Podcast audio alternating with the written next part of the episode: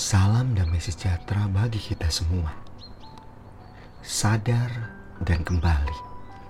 Lukas pasal 15 ayat 17 sampai 18. Lalu ia menyadari keadaannya. Aku akan bangkit dan pergi kepada Bapakku.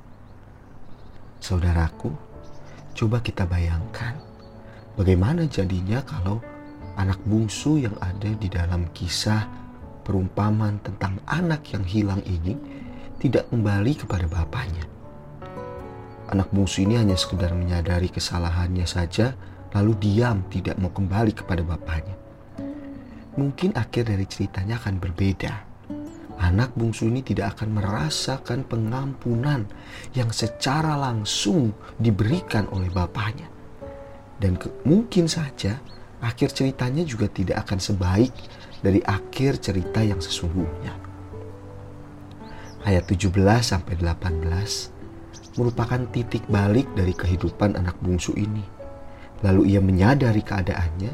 Setelah ia menyadari, ia berkata, "Aku akan bangkit dan pergi kepada Bapakku."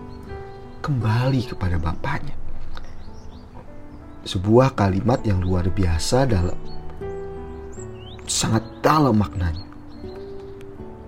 Saat ia menyadari keadaannya, ia langsung mengingat bapaknya dan mencoba untuk kembali kepada bapaknya.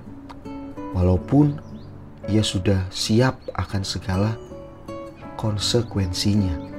Walaupun hanya sekedar menjadi salah satu budak dari bapaknya pun ia siap. Ketika anak bungsu ini menyadari akan kesalahan-kesalahannya, pada saat itulah pengharapan juga bertumbuh di dalam hatinya.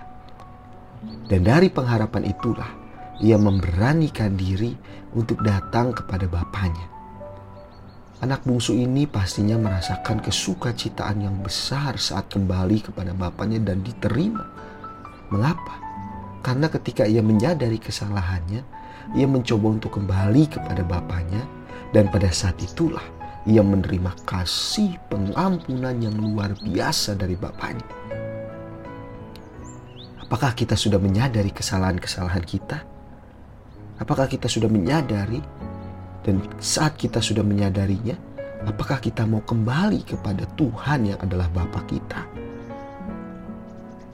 Untuk sadar diperlukan kemauan dan untuk kembali diperlukan keberanian.